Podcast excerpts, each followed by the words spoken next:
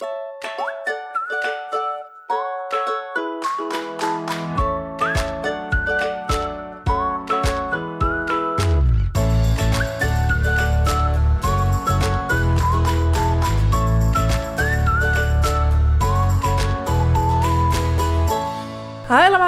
welkom bij een nieuwe aflevering van de Wat ik wou dat ik wist podcast. De podcast waarin ik deel wat ik wel eerder had willen weten en verhalen vertel waar jij je als twintiger hopelijk in herkent.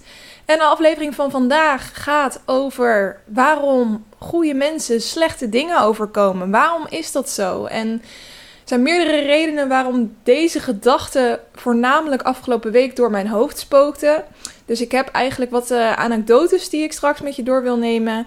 En ik heb ook uh, online wat onderzoek gedaan um, op psychologisch niveau. Of er onderzoeken zijn van waarom overkomen goede mensen nou slechte dingen? Of waarom zijn we zo bezig met die gedachten?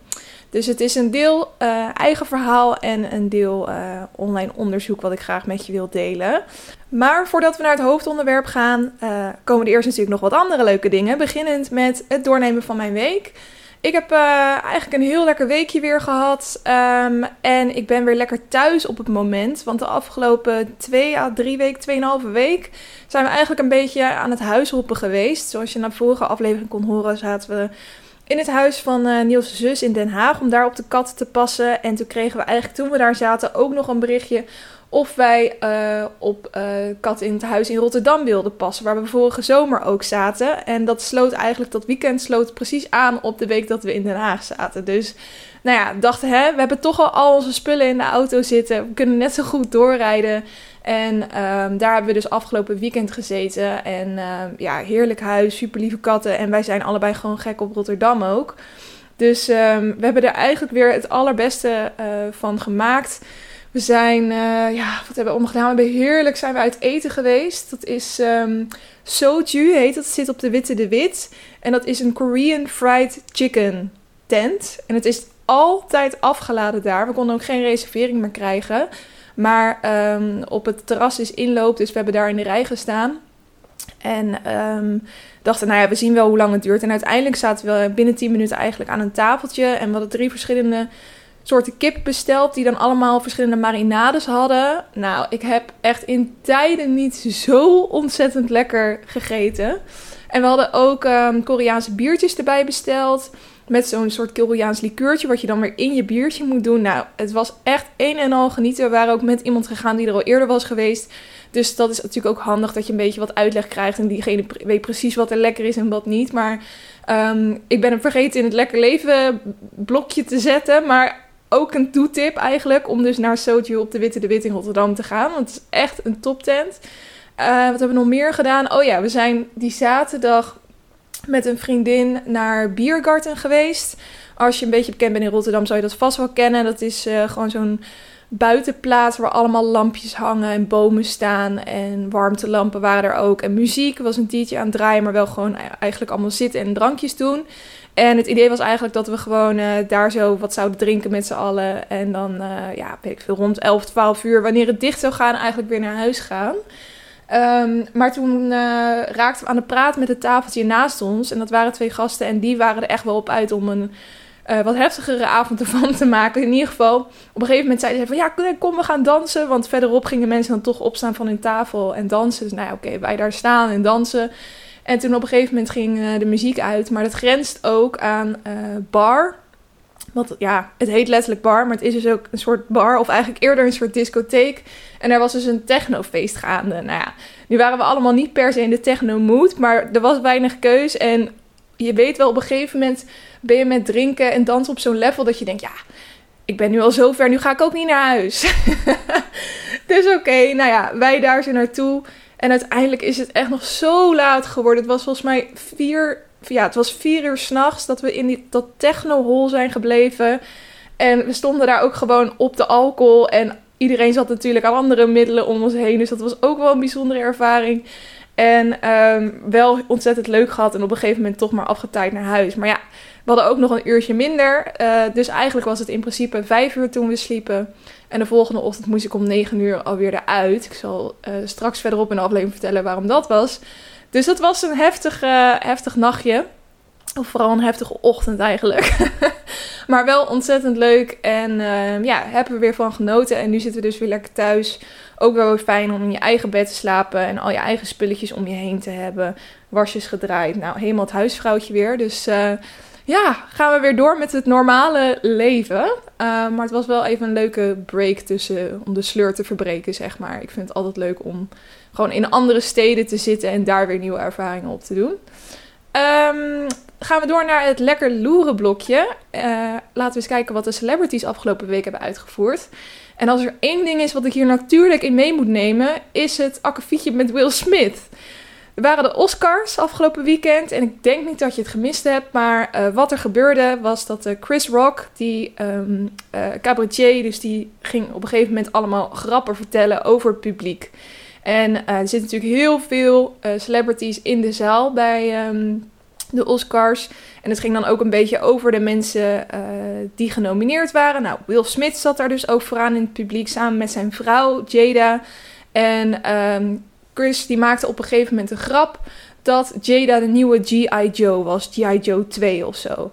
En hij zei dat omdat zij haar hoofd kaal geschoren heeft. Want zij heeft alopecia. Dat is zo'n ziekte waarbij je haar dus allemaal uh, uitvalt. En zij heeft dus besloten om het dan maar allemaal af te scheren. Uh, ja, en die grap die viel gewoon compleet verkeerd. En het bijzondere is, als je het fragment hebt gezien, die Chris Rock maakt die grap. En je ziet eigenlijk, er wordt zo gepand naar Will Smith en zijn vrouw. Will die is aan het lachen, maar Jada's gezicht staat echt op onweer. Dan gaat de camera eigenlijk weer terug naar Chris Rock. Maar dan is er, denk ik, een soort opmerking tussen Will Smith en zijn vrouw.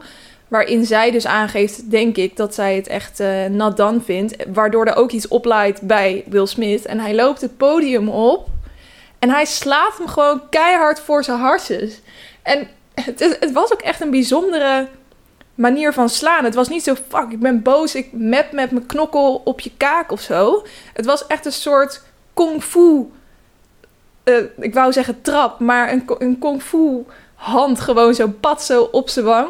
En je ziet ook dat hij, die Chris Rock, daarna een soort van in shock is van... Huh, oh mijn god, ik ben net geslagen door Will Smith. En hij probeert natuurlijk nog een soort van grappig verhaal van te maken.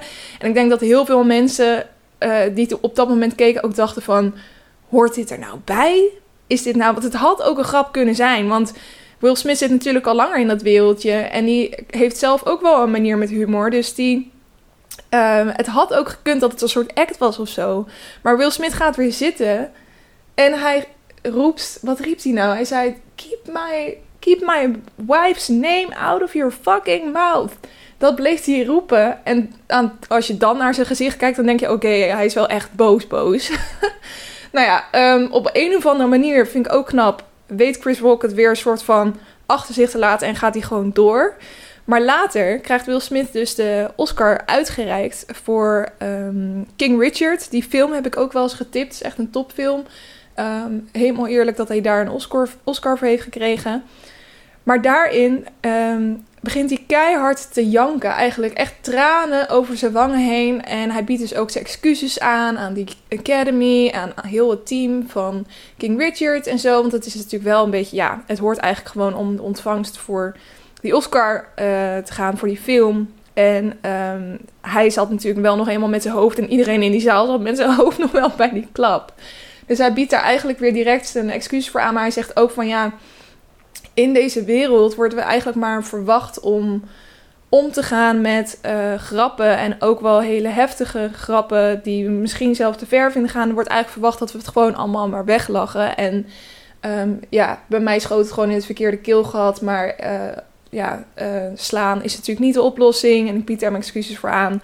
Hij heeft later op zijn Twitter, of sorry, op zijn Instagram, misschien ook op Twitter, maar ik zag het op Instagram ook nog een hele apology gepost. Waarin hij dat nogmaals benoemt. En daarin biedt hij ook zijn excuses aan Chris Rock aan. Want dat had hij dus nog niet gedaan bij, um, de, bij de, de Oscar speech, zeg maar.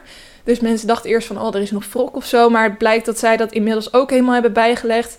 En er zijn ook zelfs beelden verschenen dat, uh, dat Will Smith eigenlijk uh, bij de afterparty van de Oscars volop aan het feesten is. En hij lijkt dan alweer helemaal vergeten te zijn wat er allemaal is gebeurd. Dus ja, ik vind het wel een soort. Uh, ik weet niet goed wat ik er allemaal van moet vinden. Ik, was gewoon, ik vond het heel verwarrend allemaal. Omdat hij dus opeens zo'n keiharde uitspatting heeft, maar ook zo snel gaat van haha lachen grap naar ik ben fucking boos, ik map je voor je hoofd, naar uh, janken bij de speech, naar keihard feesten bij de afterparty. En je gaat dan toch een beetje denken van gaat het allemaal wel goed met hem? ik heb ook die serie online gezien van um, dat hij ging vechten voor een, een nieuw lichaam of zo. Die een hele YouTube-serie heeft hij online gezet. Dat hij dan met een trainer. En nou ja, dan wil hij in een aantal maanden zoveel kilo afvallen. En daarin krijg je ook wel een beetje een soort kijkje in zijn hoofd. En dat hij ook best wel up en down is. Met. Dat, er zullen ook wel weer andere redenen achter zitten. Maar I don't know. Ik, ik, ik, ik, vond het heel bijzonder wat, wat hier allemaal gebeurde. En ik dacht dus ook echt in het begin dat het allemaal een grap was. En dat bleek het niet te zijn. Maar het roept natuurlijk ook wel weer een discussie op over humor en comedy en um, hoe ver um, mogen mensen daarin gaan en um, had hij die, grap, die, die, die klap mogen verkopen? Dat is eigenlijk een beetje de vraag en dat zie je nu ook heel veel in tv-programma's en radioprogramma's dat mensen daarover discussiëren. De een vindt dat het, uh, dat het helemaal terecht was en de ander totaal niet.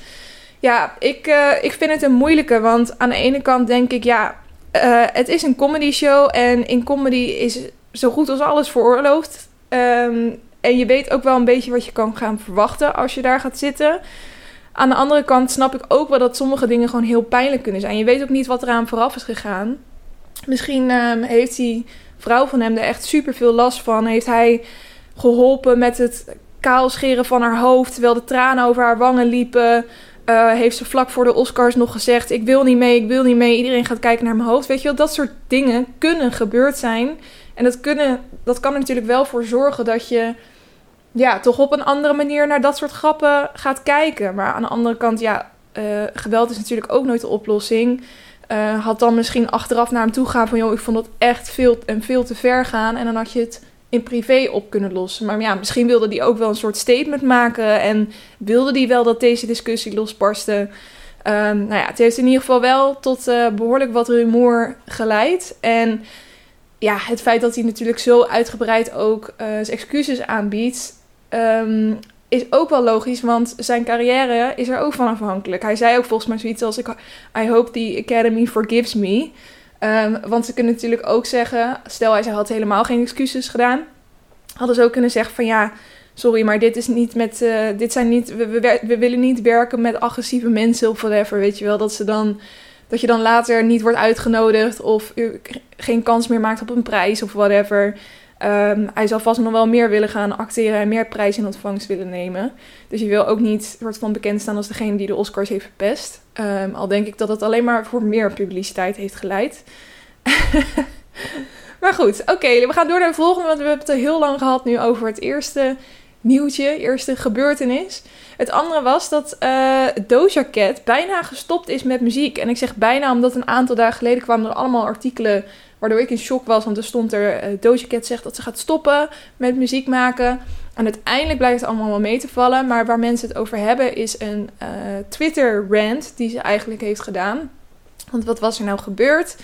Um, Doja Cat die had op Twitter gezegd dat um, ja, ze eigenlijk het niet. Ze, ze had in Brazilië een show gedaan en ze vond eigenlijk dat die show niet goed genoeg was. En ze bood een soort van haar excuses aan van joh, sorry, ik had het beter kunnen doen, jullie verdienen beter. Um, maar er was ook een andere show geweest in Paraguay waar ze niet uh, kon opkomen dagen. En daar zo had ze helemaal geen aandacht aan gewijd. Ze had niet erover getweet, geen Instagram stories, ze wilde niet op de foto met fans. Uh, ook al was ze daar, nou ja, uh, daar waren fans dus allemaal boos over, omdat ze het een beetje oneerlijk vonden. En toen heeft zij dus op uh, Twitter gereageerd op iemand. Um, iemand had gezegd: Doja, about four years ago you started to achieve fame, and all thanks to TikTok, what happened to your humility? En toen heeft zij gereageerd: It's gone and I don't give a fuck anymore. I fucking quit. I can't wait to fucking disappear and I don't need you to believe in me anymore. Everything is dead to me, music is dead and I'm a fucking fool forever thinking I was made for this. This is a fucking nightmare, please unfollow me. Uh, nou ja, en daar, daarna kwamen er nog wat tweets, maar uiteindelijk wat ze nu online zet, de lijkt ze er eigenlijk gewoon weer van terug te komen. En uh, ja, te zeggen dat ze het vooral bij zichzelf moet zoeken en dat ze de fans heel veel, dat die heel wat waard zijn voor haar. En ze komt er nu allemaal op terug. Maar ik denk dat haar mediapersonen wel redelijk in de stress zaten toen ze dit allemaal online had geflikkerd en er overal artikelen oppopten. maar het blijkt uiteindelijk dus allemaal wel mee te vallen. En daar ben ik wel blij mee, want ik vind dat ze nog steeds echt geweldige muziek maakt. Ehm, iets anders. Do, die heeft zich uitgesproken over het voorval met Jeroen Rietbergen. Jeroen is natuurlijk uh, onderdeel van het hele The Voice drama, uh, wat uit de Boos documentaire bleek dat er daar zo heel veel mensen over de schreef zijn gegaan. En een daarvan is dus Jeroen Rietbergen. En toen is, is naar aanleiding van dat hele boos verhaal... is Do ook naar voren gekomen van... Jeroen Rietbergen is ook bij mij over de schreef gegaan. Nou ja, meer zei ze er toen eigenlijk niet over. Maar ze heeft inmiddels in een eh, podcast haar verhaal gedaan. In de podcast Met z'n allen. En daarin nou ja, vertelt ze wat ze allemaal vindt van die hele voice situatie. En dat er zoveel mensen op de schreef zijn gegaan. En ze zegt vooral van ja, er zijn dus superveel mensen op de werkvloer die er niks over hebben gezegd. Ehm, en ze zegt dus over die Jeroen van ja, hij is gewoon extreem handtastelijk. En ik vond het heel onprettig om alleen met hem in de ruimte te zijn. Omdat ik gewoon vind dat hij een grens overgaat. En in die situatie, die Jeroen Rieper heeft me eigenlijk gewoon echt aangerand.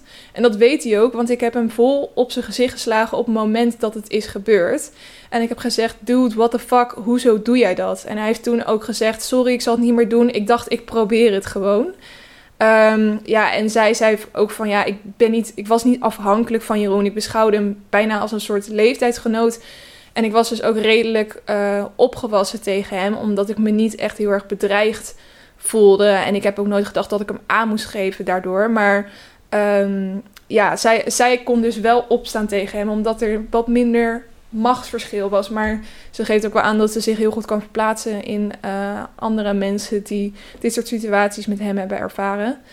Ja, en ik vond het wel, uh, ik vond het wel vet of zo dat zij hem dus gewoon kaart in zijn gezicht heeft geslagen. Maar hoe kan je dan zo'n opmerking maken als... Ik dacht, ik probeer het gewoon. Ach, wat een naar ventje. En dat deze vent samen was zo lang met Linda de Mol. I can't. Maar goed. Hier komt natuurlijk allemaal nog een staartje aan. Maar het OM moet eerst dat enorme onderzoek nog uit gaan voeren. Dus dat zal nog wel eventjes gaan duren allemaal helaas. Um, oh ja, tot slot. Laatste wat ik nog wilde delen is dat de Love Island UK villa is verkocht. Ik weet dat er heel veel mensen die luisteren naar deze podcast net zo fan zijn als ik van Love Island. En als je wel eens Love Island UK hebt gekeken, dan werd het meestal in dezelfde villa in Mallorca opgenomen. Um, en die is nu uh, verkocht. Uh, het werd al best wel vaak ook verhuurd. Je kon die villa dus ook gewoon huren voor 3000 pond per week. En het was echt ontzettend gewild natuurlijk. Want iedereen die het programma keek dacht... hoe vet is het als wij daar zelf kunnen verblijven. Dus het was ook een enorme uh, wachtlijst. Maar ja, als iemand er genoeg neer, geld voor neerlegt, dan kan het natuurlijk ook gewoon verkocht worden. En uh, de nieuwe bewoner die heeft er 3,6 miljoen euro voor neergelegd. Nou, dan krijg je natuurlijk ook wel een villa met vijf slaapkamers, sportschool, zwembad, alles erop en eraan.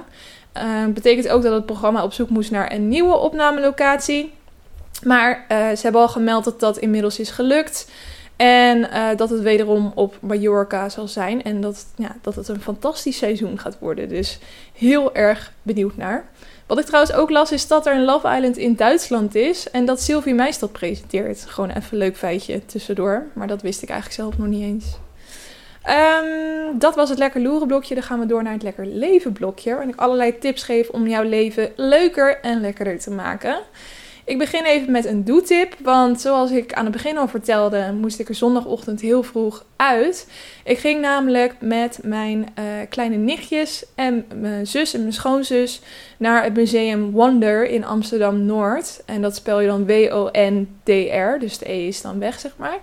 En um, ik zag dat gewoon heel vaak op Instagram voorbij komen de afgelopen jaren eigenlijk wel. Uh, altijd met knalroze branding. En het zag er gewoon ontzettend vet uit. En ik dacht vooral voor mijn kleine nichtjes. Uh, die gaan dit helemaal fantastisch vinden. Met allemaal zuurstokken en roze muren. En nou ja, van alles zag ik op die foto's. En ik dacht dat vinden zij super leuk. En mijn zus en schoonzus, dus moeders van zeg maar, die vonden het ook heel leuk om dan mee te gaan. Dus we zijn er afgelopen zondag uh, naartoe gegaan. En het is eigenlijk gewoon. Ik dacht dat het ook wel een interactief museum is. Maar het is eigenlijk bijna een soort Instagram museum.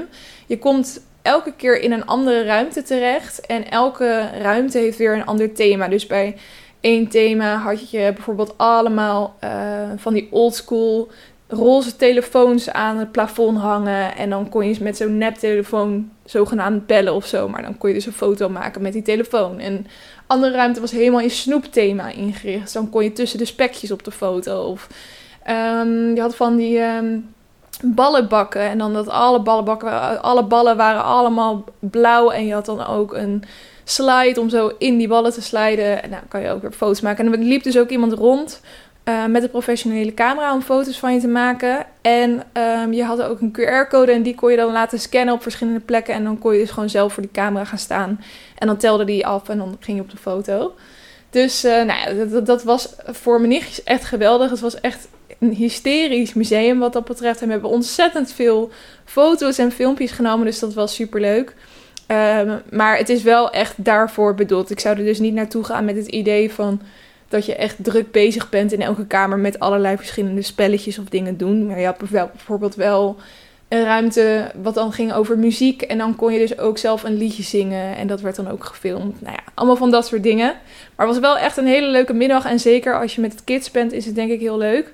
Uh, er zijn wel speciale kidstijden. Daarom moesten wij dus ook zo vroeger naartoe. Want het was tussen 10 en 12 volgens mij. Dus um, hou daar wel rekening mee. Um, ik vond dat wel bijzonder, want ik dacht, dit is toch vooral voor kinderen. Maar er gaan dus ook heel veel volwassenen heen om gewoon een Instagram game een beetje te upgraden. En zelf een camera mee te nemen en helemaal los te gaan in dat museum. Daar zagen we ook wel wat mensen van. Dus uh, ja, ik, ik, vind het ook wel weer een interessant fenomeen, toch? Dat het, van, het is wel echt heel erg van deze tijd, zo'n Instagram museum met kamers die dan extra leuk zijn om foto's voor je Instagram op te nemen. Maar ja, dus uh, dat is een doetip die ik je mee wilde geven. Als kijktip kan ik uiteraard niks anders tippen als uh, Bridgerton. Seizoen 2 is afgelopen vrijdag op Netflix online gekomen. En uh, ik zit er heerlijk in. Het is wel een slow burner, zag ik ook online dat mensen dat vonden. Dat het wat langzaam dus op gang komt. En um, ja, de, de hoofdpersonages van seizoen 1 die komen er nauwelijks in voor. In ieder geval tot het punt waar ik nu ben. Uh, zie je ze eigenlijk nauwelijks, Daphne en zo. Um, maar er zit alsnog wel een hele leuke verhaallijn in. Ik zal voor de rest weinig verklappen. Maar als je seizoen 1 heel leuk vond, dan bij deze seizoen 2 staat erop. En is zeker het bekijken waard. Um, en tot slot wilde ik de leestip geven. Want afgelopen maand, de maand zit er eigenlijk weer op, maand uh, maart. En in de maand maart heb ik het boek Brightside van Kim Holden gelezen. En dat gaat over een, een, meisje, Kate Sedgwick. En zij heeft al een vrij moeilijk leven gehad. Allemaal verschillende tragedies die zich in haar leven hebben afgespeeld. Maar ze blijft gewoon een heel erg gelukkig en optimistisch persoon. En daarom noemt haar beste vriend Gus haar dus ook Brightside. Dus dat is een beetje haar koosnaampje. En nou ja, uit de manier waarop zij zich presenteert in het boek, het blijkt gewoon dat ze heel erg wilskrachtig, heel grappig, heel slim is. Is ze ook nog eens muzikaal begaafd. Um, maar ze heeft eigenlijk nooit echt geloofd in de liefde. Nou ja, dan verhuist ze naar San Diego om naar de universiteit te gaan in een klein stadje genaamd Grant. En daar ontmoet ze een jongen, Keller Banks. En je kan al wel raden wat er gebeurt. Ze wordt hopeloos verliefd. En ze voelen dat allebei, maar ze hebben allebei ook een bepaalde reden om daartegen te vechten. Want ze hebben allebei een bepaald geheim. En dat geheim ga ik uiteraard niet verklappen. Um, want dat geheim dat zorgt uiteindelijk voor echt een mega uh, plot twist richting het einde. En uh, ik wil vooral dat je dit boek zelf gaat lezen, want ik vond het dus echt een fantastisch boek. Ik zou hem aan iedereen aanraden. Ik heb hem ook al tijdens het lezen gedeeld op mijn Instagram story van wie is er aan het meelezen. App menu, dan kunnen we het daarover hebben. Uh, zo nice vond ik dit boek eigenlijk in eerste instantie ergerde ik me best wel aan Kate. Omdat ja, ze is dus ook een heel optimistisch en blij persoon. Maar ze kan daardoor ook best wel bij de hand zijn. En het is zo'n typisch meisje die dan alleen maar knappe heeft. Maar zelf er dan niks mee doet. En zegt dat ze gewoon... Ze is gewoon een, een jongensjongen. En weet je wel, een beetje zo'n pick-me girl. Zo, zo, precies zeg maar dat type... Dat, zo kwam ze een beetje op mij over. Maar naarmate het verhaal vorderde, veranderde mijn mening best wel over haar. En ehm, ja, op een gegeven moment was ik echt gewoon vastgezogen in dit boek. Ook omdat die geheimen waar het over gaat, dus het geheim van die Keller, die jongen waar ze op verliefd is, maar ook het geheim van Kate zelf, waardoor ze het dus lastig vindt om een relatie aan te gaan. Die twee geheimen die blijven voor de lezer ook nog geheim tot het moment dat ze het aan elkaar opbiechten. Dus ehm, je, je blijft natuurlijk ook lezen om een soort van achter te komen van wat zit hier nou achter bij die twee. En als je daar dan eenmaal achter komt, dat versterkt alleen maar het hele verhaal. Dus uh, ja, ik, ik kon gewoon echt niet meer stoppen met lezen op het einde. Het was ook echt wel een heel emotioneel verhaal. Dus ik heb ook best wel veel gejankt tijdens het lezen van dit boek. En ik was ook in contact met iemand die het boek heeft gelezen. En die zei ook van... Ik wou bijna dat je hem niet had getipt aan mij. En daarmee bedoelde ze dus dat ze zelf ook uh, heel veel moest janken. en het is ook gewoon een verhaal dat echt heel erg in je hoofd blijft hangen. Ik ben er echt nog wel dagen mee bezig geweest uh, daarna. En het is ook wel een soort van inspiratie geweest voor uh, de podcast van deze week. Um, dus ik zal er straks ook nog wel eventjes op terugkomen op het verhaal. Um, maar goed, het boek heet dus Brightside van Kim Holden. Ik zet de titel ook in de beschrijving van deze aflevering. En uh, ja, ik zou je dus zeker aanraden om dit boek te lezen, mocht je niet hebben meegelezen afgelopen maand. En ik heb natuurlijk ook een nieuw boek uitgezocht voor de maand april. Oh mijn god, dit jaar gaat zo snel. De maand april. En daarin gaan we lezen Op het einde gaan ze allebei dood. Zo heet het boek. Op het einde gaan ze allebei dood. Van Adam Silvera. Silvera, I don't know. Um, door bol.com benoemd als een intrigerende roman over de laatste dag van twee Amerikaanse jongens. Een New York Times bestseller voor young adults. Nou, waar gaat het over? Uh, een tekstje. Iets na middernacht krijgt Matteo een telefoontje. Het is Deathcast, de organisatie die mensen inlicht dat ze binnen 24 uur zullen sterven. Ook Rufus wordt gebeld. De twee kennen elkaar niet, maar sluiten een vriendschap tijdens hun End Day. Ze beslissen samen nog een laatste avontuur te beleven, een onvergetelijke dag die hun levens voor altijd zal veranderen. Maar beeld je niks in, want op het einde gaan ze allebei dood. Ik vond het wel een heel uh, bijzonder plot. Want vaak is het, als er zeg maar iets, iets heftigs gebeurt, dan is het de vraag van gaat diegene sterven of niet. En dat houdt een soort van spannend in een serie, in een boek, in een film. Um, en hierbij verklappen ze het dus eigenlijk al. Want het hele idee van het boek is dat je dus. Um, je weet niet wanneer je laatste dag gaat zijn, maar als je laatste dag aanbreekt, dan wordt je dus helemaal aan het begin van de dag opgebeld door een partij en die zegt: joh, je gaat vandaag dood. We kunnen niet zeggen wanneer en waardoor, maar je gaat in ieder geval vandaag dood. uh, best wel cruel eigenlijk. Aan de andere kant kan je denken: dan kan je in ieder geval nog alles uit die dag halen wat je wil halen. Maar je bent natuurlijk ook best wel bang, want je weet niet van ja. Moet ik dan wel het huis uit? Want misschien ga ik wel dood door uh, de drempel van mijn deur. Of uh, misschien kom ik direct op straat iemand tegen met een pistool. Um, je gaat natuurlijk ook wel op een andere manier je leven leiden. En um, ja, dat wordt dus je laatste dag. Die dag waarop je dus gebeld wordt van, nou, je gaat vandaag dood. Dat wordt dus de end day genoemd. En het boek gaat dus over die twee jongens die allebei dat bericht hebben gekregen. En op een of andere manier elkaar vinden. En ja, ik heb ook gewoon ontzettend veel goede verhalen over dit boek gehoord. En ook toen ik de titel voorbij zag komen, toen dacht ik... Oh ja, nee, deze die stond sowieso nog op mijn lijst. Dat ik een keer moest gaan lezen. Dus, uh, nou ja, en een New York Times bestseller dus. Dus dat zegt ook wel wat. Dus dat wordt het boek van de maand april. Uh, laat me zeker eventjes weten als je mee gaat lezen. Als je in april ook het boek gaat lezen.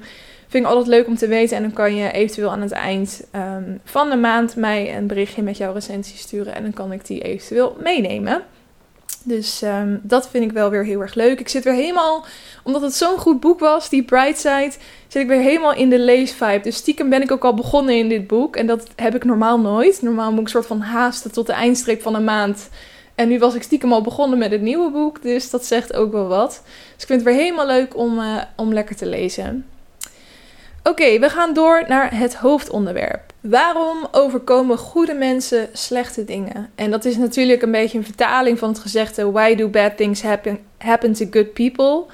En ja, dat was gewoon een gedachte die de afgelopen week best wel vaak voorbij kwam in mijn hoofd. En natuurlijk kwam dat ook deels door het boek, door het Brightside dat ik uitlas. En tijdens het lezen besefte ik gewoon hoe knap ik het vond van die Kate. Dat ondanks alle tragedies die ze in haar leven heeft meegemaakt, dat ze alsnog op de universiteit komt en eigenlijk direct uh, naar iemand toe loopt van... hey, ik zie dat jij alleen zit, zullen wij vrienden worden? En in elke kamer waar ze binnenloopt met een big smile en iedereen...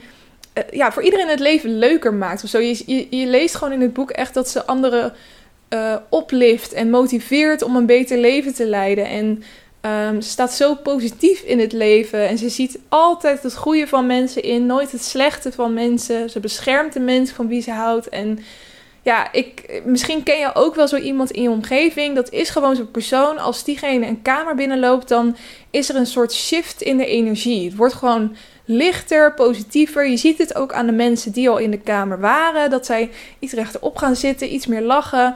Um, Zo'n persoon is ook gewoon altijd geïnteresseerd. Is altijd op de hoogte van je leven, wat erin omgaat. Ze zijn altijd blij voor je en trots op je.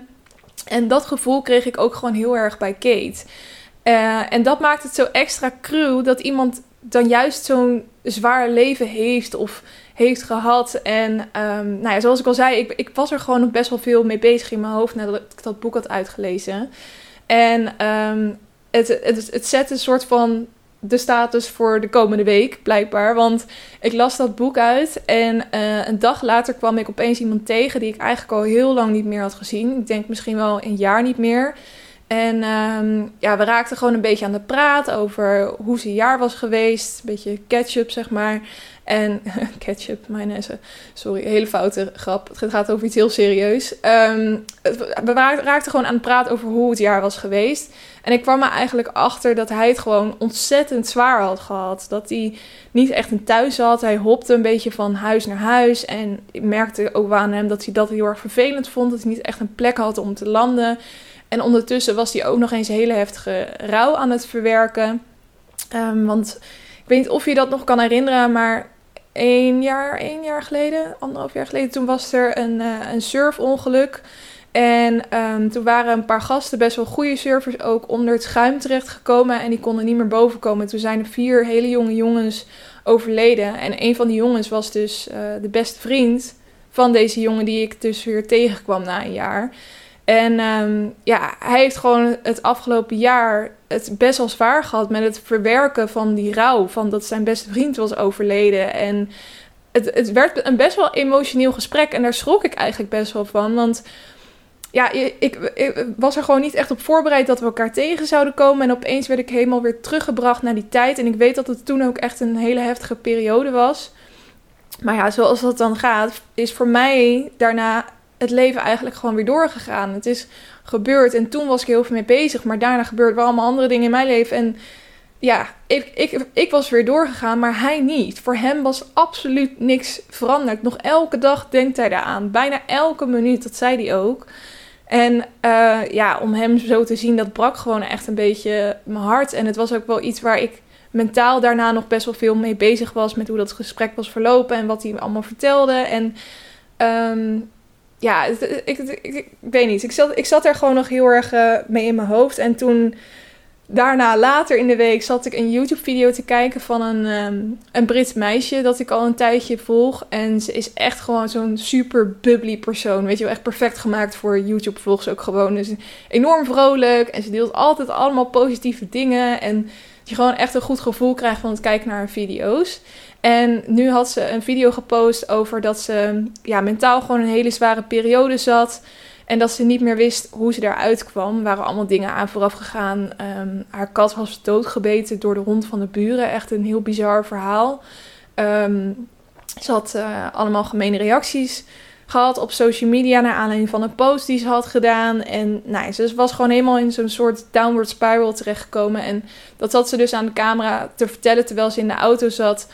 Van, uh, nou ja, het gaat gewoon echt niet goed. Ik weet niet hoe ik hier zelf uit kan komen. En daarom ga ik een weekend uh, naar mijn moeder toe. En toen ze dat zei, toen brak ze echt in beeld. En ik snapte het ook gewoon, weet je wel. Als je, als je echt heel erg slecht voelt, dan is dat gewoon het enige wat je wil. Naar je moeder toe en gewoon weer even het kind zijn, zeg maar. En um, nou ja, ze vlogde dus ook dat weekend dat ze dan naar haar moeder ging. Haar moeder is ook nog therapeut, dus die deed ook nog wat sessies met haar. En ze ging naar het strand met de honden. En ze ging samen met de moeder een workout doen. En je zag er dan weer een beetje opleven, maar nog wel gewoon die zware blik in haar ogen. Dat ze het nog steeds allemaal een soort van aan het verwerken was en nog steeds heel erg zwaar had. En nou ja, dat die opsomming van dingen die allemaal gebeurden, die allemaal zag. Um, ja, uiteraard ga je dan toch ook denken aan alle mensen in je eigen leven die depressies hebben moeten doorstaan. Of die dierbaren zijn verloor, verloren. Of die ja, om wat voor reden dan nu ook een heftige periode doorgaan. En je denkt dan automatisch: waarom? Waarom? Waar is dit allemaal goed voor? Waarom overkomen zulke prachtige, mooie, aardige, lieve mensen zulke verschrikkelijke dingen? En um, dat is gewoon iets waar ik best wel veel over na heb gedacht. En wat ook wel een hele logische reactie is, denk ik. Want ik ben toen dus wat uh, research online uh, gaan doen. En dat is eigenlijk het gedeelte waar we nu bij terechtkomen. Dus volgens wat ik allemaal noem, heb ik zelf geleerd. Uh, naar aanleiding van wat ik online allemaal las. Maar daar las ik bijvoorbeeld dus ook van dat het helemaal niet gek is dat we dit soort vragen stellen. Want we zijn ehm, vanuit nature uh, naar betekenis zoekende wezens. En we verwerken dingen eigenlijk altijd op een manier van: is dit uh, iets goeds of is dit iets slechts? Heeft dit een positieve impact op ons leven of een negatieve impact op ons leven? En we kijken ook altijd naar gebeurtenissen, nooit op een objectieve manier, maar we betrekken altijd gebeurtenissen op onszelf. Dus je kan het op een, een of andere manier egocentrisch noemen, maar het is eigenlijk gewoon een hele natuurlijke manier dat we dingen op onszelf betrekken. En daarnaast zijn we ook nog eens gek op verhalen. We zijn ook hele verhalende wezens. Dus onze hersenen hebben een, soort natuurlijke neiging tot samenhangende verhalen. Dus hele meeslepende verhalen met een overkoepelend thema en een heel bevredigend einde. En dingen moeten gewoon om specifieke redenen gebeuren. Ze moeten een, een punt, een, een doel hebben. En onze hersenen zijn niet tevreden met, met willekeurigheid of onverschilligheid. Daar kunnen onze hersenen gewoon niet mee omgaan. En um, waarom is dit gebeurd? Of waarom ik? Dat zijn daarom hele natuurlijke en ook veel voorkomende vragen die mensen dus stellen wanneer ze met iets heel heftigs worden geconfronteerd. Waarin er iets, ze een heftige boodschap krijgen, iets, iets, iets heftigs in hun eigen leven gebeurt of in dat van de mensen van wie ze houden.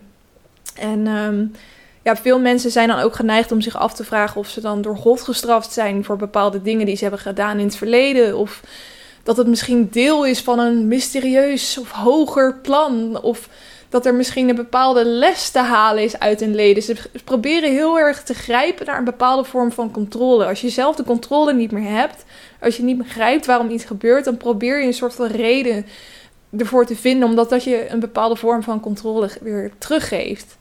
Um, de overtuiging dat levensgebeurtenissen op de een of andere manier voorbestemd zijn, dat kan ook weer effect hebben op motivatie, zowel op een positieve als op een negatieve manier. Dat kan heel geruststellend en heel troostend zijn als er echt een reden aan gekoppeld is.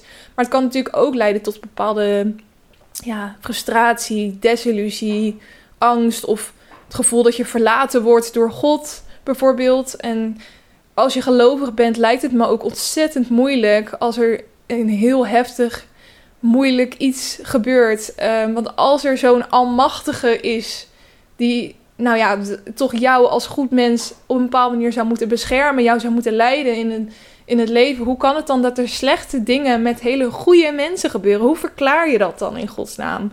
En je kan zeggen, dat, dat, dat is dan iets wat mensen zeggen. Dan zeggen ze van ja, God die heeft, eh, kan tot op zekere hoogte heel veel dingen beïnvloeden, maar ook weer niet alles. Dus wie dit soort dingen overkomt, dat, dat is niet iets wat hij bepaalt. En het is dan aan jou om op de juiste manier betekenis te geven aan die slechte dingen. Dus bijvoorbeeld dat je jezelf de vraag stelt: oké, nu is mij dit overkomen, maar wat ga ik eraan doen? En op die manier kan je natuurlijk wel betekenis eraan geven. En toch op een positieve manier een draai eraan geven.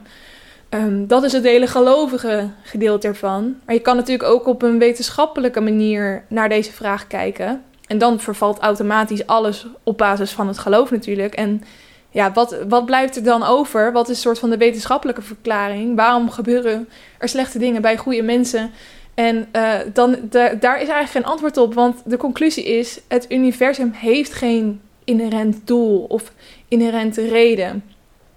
En hoe moeilijk het ook is om te geloven, is het toch eigenlijk best wel aannemelijk dat heel ons complexe universum, al het leven en het bewustzijn en alles wat je om je heen ziet, dat, is, dat het geheel toevallig is ontstaan en geëvolueerd. En ik snap dat dat voor heel, mensen heel veel mensen ongrijpbaar is en dat je daarom ook. Daarom, daarom is het geloven natuurlijk ook om bepaalde grip uh, te geven. Um, en ja, het, ik vind het zelf ook nog steeds, nu ik dit uitspreek, heel erg bizar. Maar het is toch heel aannemelijk dat het allemaal toevallig is gebeurd. En hoe dat dan allemaal heeft kunnen gebeuren. Want er is natuurlijk wel een oorzaak en een gevolg en weer een oorzaak en weer een gevolg. Uh, dat is waar het bij wetenschap eigenlijk om gaat, natuurlijk. Um, maar ja, als je die harde conclusie van de wetenschap begrijpt, dus er is geen inherent doel en er is geen inherente reden waarom dingen gebeuren, dan verdwijnt dus eigenlijk ook het hele mysterie waarom slechte dingen goede mensen overkomen. Of waarom er slechte dingen bij goede mensen gebeuren. Um, want dan wordt het namelijk duidelijk dat slechte dingen gebeuren om precies dezelfde reden dat goede dingen gebeuren en dat alles gebeurt. Um, er zijn gewoon bepaalde natuurwetten die te grondslag liggen aan alle oorzaken en gevolgen. En er is niet iets bijzonders aan de oorzaak van dingen die wij mensen als slecht beoordelen.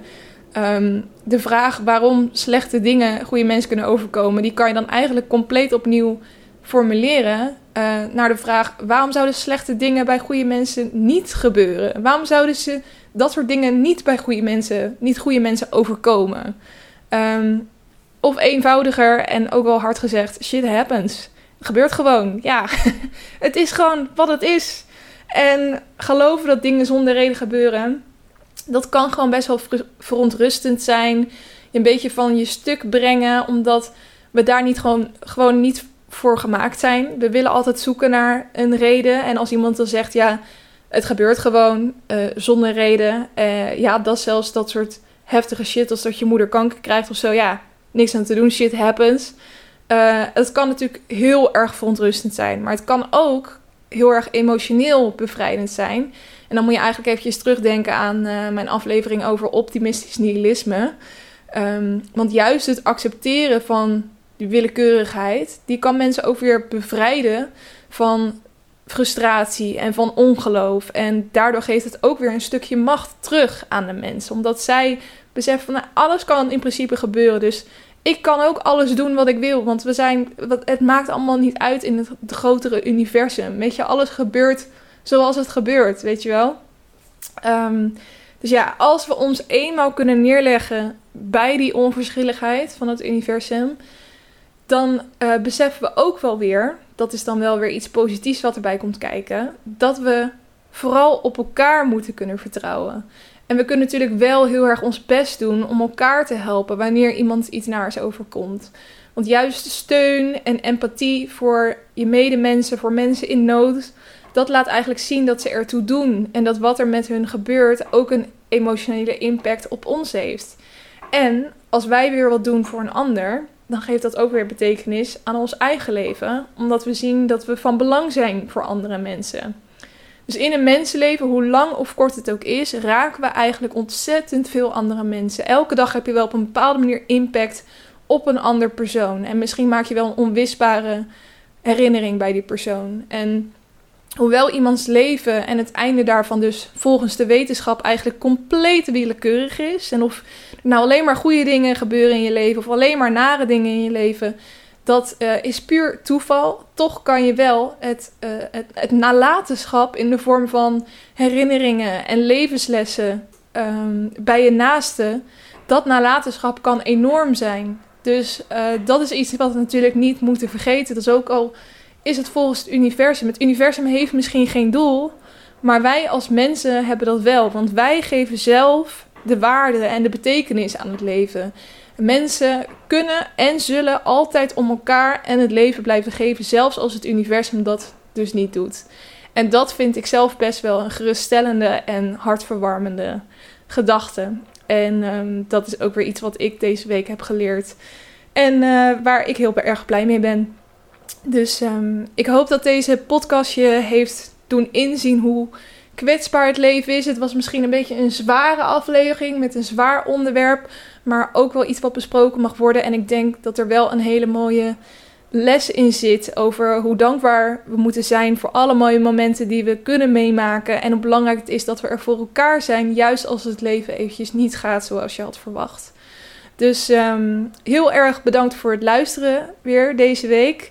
Ik hoop dat je een, eh, een fijne week tegemoet, tegemoet gaat. Want ik geloof dat er alleen maar goede mensen luisteren naar deze podcast. En ik wil absoluut niet dat er nare dingen in jullie levens gebeuren. Ehm, maar ja, shit happens zoals we inmiddels weten. Maar ik hoop voor je dat er helemaal geen shit gaat happenen aankomende week. En ehm, ja, ik zou het heel leuk vinden als je er volgende week ook weer gezellig bij bent. Dus hopelijk tot dan. Doei doei!